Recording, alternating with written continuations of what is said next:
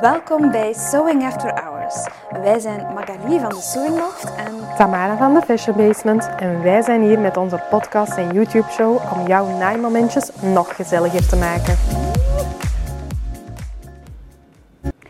welkom bij een nieuwe aflevering van Sewing After Hours. Vandaag gaat het over stoffen en kwaliteit. Maar voornamelijk, hoe kan je kwaliteit gaan bepalen bij een bepaalde stof? Ja, soms moeilijk om te herkennen wel. Hè? Ja. Eh, want als je dingen naast elkaar kunt voelen, voel je soms heel goed verschil. Maar Ja. dat is niet altijd het geval natuurlijk. En eh, zeker ook online is het soms een beetje lastig om te kijken, ja, welke kwaliteit heb ik hier voor mij? Want het feit dat het katoen is of polyester of acryl of zo, heeft op zich weinig te zeggen of dat het een goede kwaliteit is of Ja. niet. Ja. Dat is natuurlijk eh, helemaal uw winkel. en ik denk dat jij daar ook vaak mee te maken krijgt, eh, vragen Ja. eh, van klanten die online willen kopen. ja, maar ook zelfs voor ons om, om in te kopen is dat niet Ja, altijd ja. evident. Want ik heb bijvoorbeeld een, een leverancier uit Italië en in het algemeen krijg ik daar wel altijd mooiere kwaliteiten van. Maar evengoed kan mijn leverancier uit Duitsland, die wat goedkoper is, toch een schonere kwaliteit gaan, gaan bieden. Dus soms is een prijs een indicatie van de kwaliteit, maar dat is ook niet altijd het geval. Nee, nee, dat is waar. Ik denk dat we dat ook allemaal al wel meegemaakt hebben, dat we redelijk wat geld betaald hebben voor een stofje. Ja. Je maakt iets en eigenlijk denkt je na één keer dragen of wassen van oei, dat valt mij eigenlijk toch wel tegen. Ik had dat beter verwacht. Ja, Ehm, ja, ja, ik denk ook, voor wat dat ik kan zeggen, is ervaring leert u daar ook in om eh, bepaalde stoffen te herkennen. Van, ah ja, ik heb met deze kwaliteit al eens gewerkt, dat doet mij daaraan denken. Dat ging eigenlijk op die manier, dat ging goed. Of, ah nee, dit heeft een beetje, is een beetje tegengevallen. En ik vind op zich ook wel dat prijzen daar een richtleiding kunnen zijn. Maar je mocht u daar ook weer niet, zoals zo vaak, niet op blind staren natuurlijk. nee. Want een, een viscose van, ga ik zeggen, 11 of 12 euro de meter kan even goed zijn als een viscose van 19 euro de meter. Mhm, Soms zit het hem dan in ja, hoeveel meter is er van die stof gemaakt. Dat is Ja, ook ja. zoiets. Ja, ja, hoe meer meter, metrage dat er is geweest, hoe goedkoper dat de prijs waarschijnlijk gedrukt gaat worden. Maar ehm, ja, zoals hij zegt, een indicatie kan zijn prijs. En dan heb je een beetje drie categorieën ongeveer. Ja. hè. Dus je hebt zo wat tussen, ja, eh, tot en met een, een 10, 12 euro. Ja. hè. Dat zijn wat de goedkopere stoffen. Dan heb je zo'n beetje dat middensegment van een 12 of 11 tot 20, 21. Dan zoiets. En dan ja, alles een beetje boven die 25 euro. Dat, valt dan wel onder de duurdere stoffen. hè. Pas op, zo duur is dat nog niet als je dat dan gaat Mm. vergelijken met wat cultuurstoffen. Maar Ja. Ja, voor onze dagelijkse draaibare kleding en ook wel voor eh, naar een feest of, of eh, voor een jas, een mantel en zo, dat wel. Ehm, ja, ik moet zeggen dat ik zelf, eh, ja, ik vind dat soms een beetje lastig zeggen, maar ik ga dat toch doen. Ik vind dat soms zelf een beetje lastig als ik zo kijk dat er winkels zijn die zo inspelen op zo goedkoop mogelijk gaan met die stof.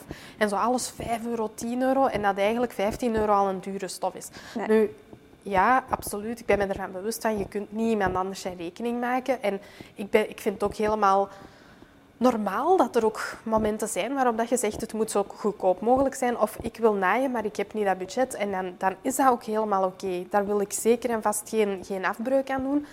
Wat ik wel vind, is dat het zonde is als je al die tijd en energie gaat steken in zelf iets maken, dat je dan zo goedkoop mogelijke stof neemt, waardoor je kledingstuk eigenlijk veel sneller versleten is of niet goed in vorm blijft of zo. Ja. En dan vind ik dat zo jammer dat je die tijd en die energie daarin gestoken hebt en ook dat geld, want je hebt nog altijd die stof gekocht.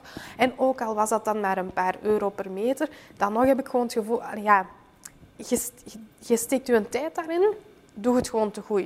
Dat is ja, zo mijn punt daarin. Maar ja, soms natuurlijk Want lastig, dat, hè? dat, is ook, dat is ook zoiets, hé, eh, eh, daar, daar kan ik me enorm aan ergeren. Is, het is niet omdat je iets zelf naait, dat het daarom ook goedkoop moet eruit zien. Nee, please, nee. hé. Nee. Ehm, en dat zie je veel, en dat is, dat is een van de meest voorkomende fouten, om dan toch niet te investeren in een stof die misschien een paar eurotjes duurder is, maar je, dat je opnieuw weer langer plezier van gaat hebben. En ehm, ja, Ja, ik vind het altijd heel jammer. Ik hoor dat soms wel van, ja, maar ja, het is maar voor mezelf. En dan denk ik, ja, zijn we dat dan niet waard? Ja. Tuurlijk zijn we dat toch waard. ik wil mij toch goed voelen in mijn kleren. Ik wil mij toch niet heel een dag moeten zorgen maken over ja, dat mijn kledingstuk niet goed zit, maar even goed van, ah ja, ik zweet daar heel snel in. Of ja, daar wil ik toch niet over moeten nadenken heel de dag. Dus dat vind ik wel jammer. Ik moet zelf ook wel zeggen, ja, je weet, ik maak graag zo wat de specialetjes en jasjes en mantels en zo. Ehm, en ik vind dat zelf ook wel belangrijk dat ik dan een betere stof kies, mhm. zodat ik ook effectief daar heel lang geniet van heb. Maar dat herkennen is ja, soms een beetje lastig um, voor bepaalde dingen. Gelijk als ik een t-shirtje maak, dan maakt het mij inderdaad soms niet zo geweldig veel uit of dat dan nu de allerbeste kwaliteit of zo aan middenklasse of maakt niet uit. Mhm. En dan durf ik al wel eens risico's nemen. Ik heb niet zoveel stof nodig. Die kostprijs is over, over het algemeen niet zo geweldig duur. Maar ik vind wel, als je dan een jas of zo gaat maken, een mantel, ja, dan wil je toch gewoon echt dat dat goede kwaliteit is. Ja. Je gaat niet al dat, dat werk steken in een mantel om die dan zo één seizoen aan te doen en dan eigenlijk echt tot op de draad versleten. Zo zonde. Zonde.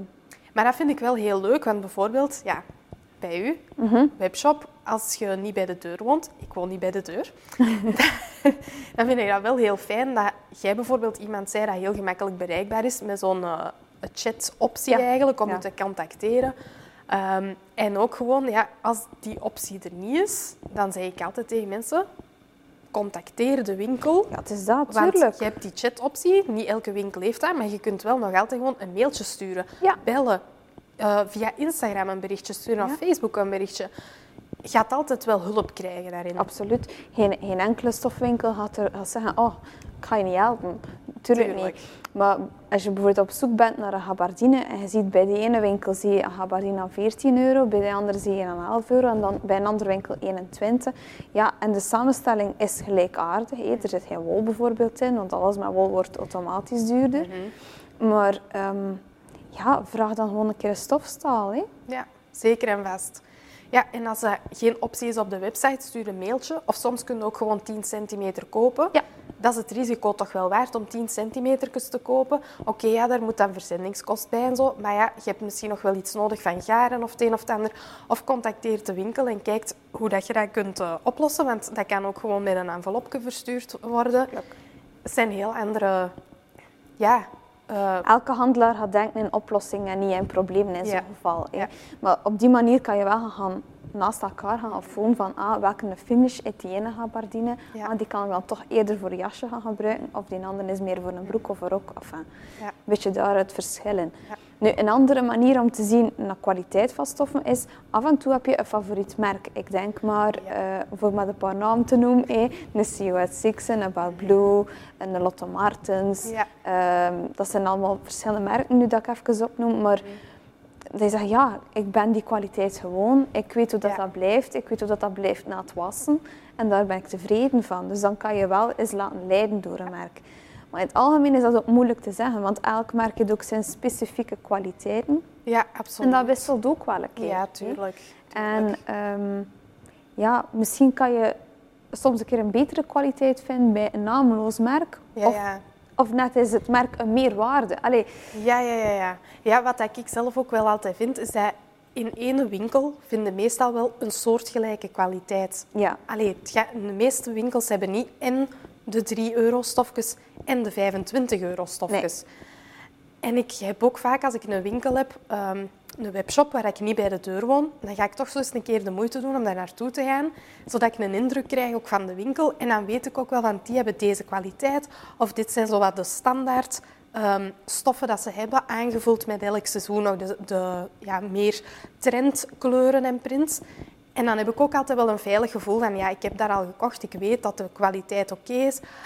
En dan voel ik me direct een pak meer op mijn gemak om daar aan te bestellen. Ja. vind ik ook maar belangrijk. Ja, elke stofwinkel is ook een beetje de, de vertegenwoordiging of de representatie van degene die inkoopt. Ja, ja, ja. En dat vind ik altijd leuk om te zien van wie, wie koopt de stoffen in. Hè? Bijvoorbeeld bij die grotere bedrijven is dat soms moeilijker te zien. Ja, Maar als je wat lokaler koopt hè, of bij een kleine stoffenwebshop, hmm. dan, dan weet je, ah ja, dat is de winkel van die ja, of die. Ja, en die heeft die stijl. Ze heeft wel kinderen, ze heeft geen kinderen. Ja, um, ja ze naait veel voor haar man, ze naait veel voor haarzelf. Dus dan weet ook al waar ze zelf meer naartoe genaaid, uh, uh, genaaid, geneigd zijn om te naaien. maar genaaid ook, maar goed. Um, ja. Ja, en ik vind wel natuurlijk op een webshop altijd heel handig dat je de samenstelling kunt zien. Natuurlijk, de samenstelling zegt niet alles over je stof. Daar kan nog heel veel verschil in zitten. Maar het geeft u wel ook al een beetje een leidraad van waar dat die kostprijs vandaan komt. Ja. Natuurlijke vezels zijn gewoon duurder dan synthetische. Dat is zo, kunnen niet buiten. Dus je kunt ook wel gemakkelijk inschatten van, ah, ik zie hier nu twee gabardines bijvoorbeeld, in twee verschillende webshops of op dezelfde webshop met een verschillende prijsklasse. Ja, als de ene veel meer natuurlijke vezel heeft en weinig synthetisch, tegenover de andere omgekeerd, ja, dan weet je ook dat daar die kostprijs, dat daar al een verschil in gaat zitten. Mhm. Maar evengoed niet alleen de vezel, ook gewoon de nabewerking die dat er gebruikt is op de stof. Dus uh, ja, natuurlijk, voelen aan een stof is gemakkelijk, maar ik vind dat soms toch nog misleidend, want die nabewerking die kan soms een indruk geven van oh, wat een mooie, geweldige stof, kei tof, ik ga dat en dat en dat doen. En je hebt dat gemaakt en je doet dat één keer aan. En dat is opgewold onder de armen of aan je zij. Ja, en dan heb je, ja, heb je heel verkeerd beeld gekregen, net door die nabewerking. Ja, en eigenlijk dat is, dat is wel een, een, een, eh, een, interessante opmerking dat je doet. Want wij zeggen altijd, hey, was je stof voor om alle crème eruit te krijgen. Maar net bij bepaalde stoffen, die finish dat erop zit. Ik denk nu maar aan um, dat je nu heel veel ziet, die katoenen matelassés. Ja. ja, die hebben een finish gekregen die eigenlijk wat waterafstotend zijn. Ga je dan nog die stof gaan voorwassen? Helemaal niet. Want je wil net die finish daarop gaan behouden. Ja. Uh, of die zijn net uh, vuil afstotend gemaakt ja. geweest. Um, ja, bepaalde couturestoffen, als we het zo moeten zeggen, ga hij ook niet wassen in je wasmachine. Er is een reden waarom dat er een droogkuis bestaat, ja. of een nieuwkuis. Of... Ja, misschien... Ik weet dat ik een van de weinigen ben. Ja. Een popular opinion, maar oké. Okay. Ja. Um, iedereen zegt altijd, je moet je stof voorwassen, zodat de krimp eruit is. Ik doe dat nooit. Okay. Je moet ze voorkrimpen. Je moet ze niet voorwassen. Ja, ja, voor je krimp kan ook met je stoomstrijkijzer. Ja. Met hoeveel stoom zorgen dat je stof kan krimpen en dan heb je die niet moeten wassen. En vaak kijken mijn cursisten dan met zo'n grote ogen van ah, Tamara, wat zeg jij nu? Jij ja. die stof niet op voorhand. En dan zeg ik nee, want dan is het nieuw van mijn stof af. En dat wil ik niet. Nee. Als dat gemaakt is, wil ik dat dat er nieuw uitziet. En na die eerste keer wassen, dan... Allee, oké, goed, dat is wat dat gaat zijn. Maar ik wil dat niet al voordat ik mijn schaar in mijn stof gezet heb. Ja. Nee, maar het is dan ook een heel bewuste naaister. Hè? Er zijn er veel die gaan... Uh, elk kledingstuk ook in de droogkast gaan stoppen. Ja, nee. nee. Hey, dat ga je niet doen. bijna niks in de droogkast, dat is waar. Zeg je iemand die alles in de droogkast steekt, wat was dat? En droogt dat ook voor op voorhand? Want dat is ook iets die mega veel krimp heeft. En ja, ja, dan mag hij nog zo stomen of dat hij wilt. nee. Dat krimpt. Nee, nee, nee dat is uh, waar. Dat kun je niet van onderuit. Nee, nee. Dat, ja, helemaal gelijk. Dat is waar. Nee, nog een andere uh, insprong van kwaliteit van stoffen. Dat kan ook zijn dat je eigenlijk uh, designstoffen... Maar van haute couture design eh, of uh, ditstokstoffen gaan kopen. Nu, ditstok dat is iets die, um, ja, ik zeg maar een Dries van Noten bijvoorbeeld, ja. eh, voor maar een naam te noemen, toevallig. Een persoonlijke eh, favoriet. ja, uh, dat je dan die stof hebt. En vroeger, vroeger werd eigenlijk gewoon de rest van hun productie, mm -hmm. dat is niet zo heel veel in hun term, dat is misschien 100 ja. meter, uh, werd dat gewoon verbrand en vernietigd. Nu, meer en meer doen ze ofwel zelf een stokzeil, of wordt dat ook aangeboden naar stoffenwinkels toe. Hè. Wij hebben dat ook veel, dit stokstoffen. Dat is dan een korte beperkte voorraad. Maar dan weten we wel van, ja, dat is hier echt de topkwaliteit. Beter dan dat kan ik het eigenlijk niet krijgen. Dat is waar. Ik ga zelf al uh, naar de stok verkopen van de designers. Ja, ja, ja. Uh, in Antwerpen, elk jaar twee keer. Uh, ja. Sinds, eh, ik denk, 2006 of zo. Mm -hmm. ja, dat is gewoon... Maar dat is natuurlijk ook een beetje... Um, andere categorie of zo. Want ik vind dat je dat ja. ook niet kunt vergelijken met naar de stoffenwinkel gaan. Nee, nee. Uh, de stoffen die ik daar koop, daar ga ik niet een, uh, een t-shirtje of een, of een truitje uit maken. Oké, okay, een broek tot daar nog aan toe en een kleedje. Meer feestelijke gelegenheden. Oké, okay, ja, ook wel dagelijks en zo. Um, ik maak daar ook niet zo geweldig veel verschil in voor mezelf. Uh, maar als ik uh, met cursisten daar naartoe ga, dan vragen ze mij altijd, ja, en uh, hey, dat is dan eigenlijk aan heel lage prijzen, wat moet ik mij daarbij voorstellen? Mm -hmm. En als ik dan zeg van, ja, bijvoorbeeld bij nu, Dries van Noten, onze persoonlijke favoriet, um, ja, daar gaat het ook gewoon zo zijn dat de meeste dingen die dat je vastpakt rond de 2025, maar het meeste dat ik uit de rek neem, is dan zo eerder 50 à 60 euro de meter. Ja. En ja, dat is nog altijd heel duur voor een stof. Voor in, allee, in veel standpunten, ik zal het zo zeggen. Mhm. En dat is ook zo. Maar voor die stof is dat echt niet duur. Ja. En dan ben ik heel blij dat ik die aan die prijs kunnen kopen heb. Maar natuurlijk, voor je eerste naaiprojectjes ga je dat niet doen. Ehm, ik zeg nu ook bijvoorbeeld bij de Dries.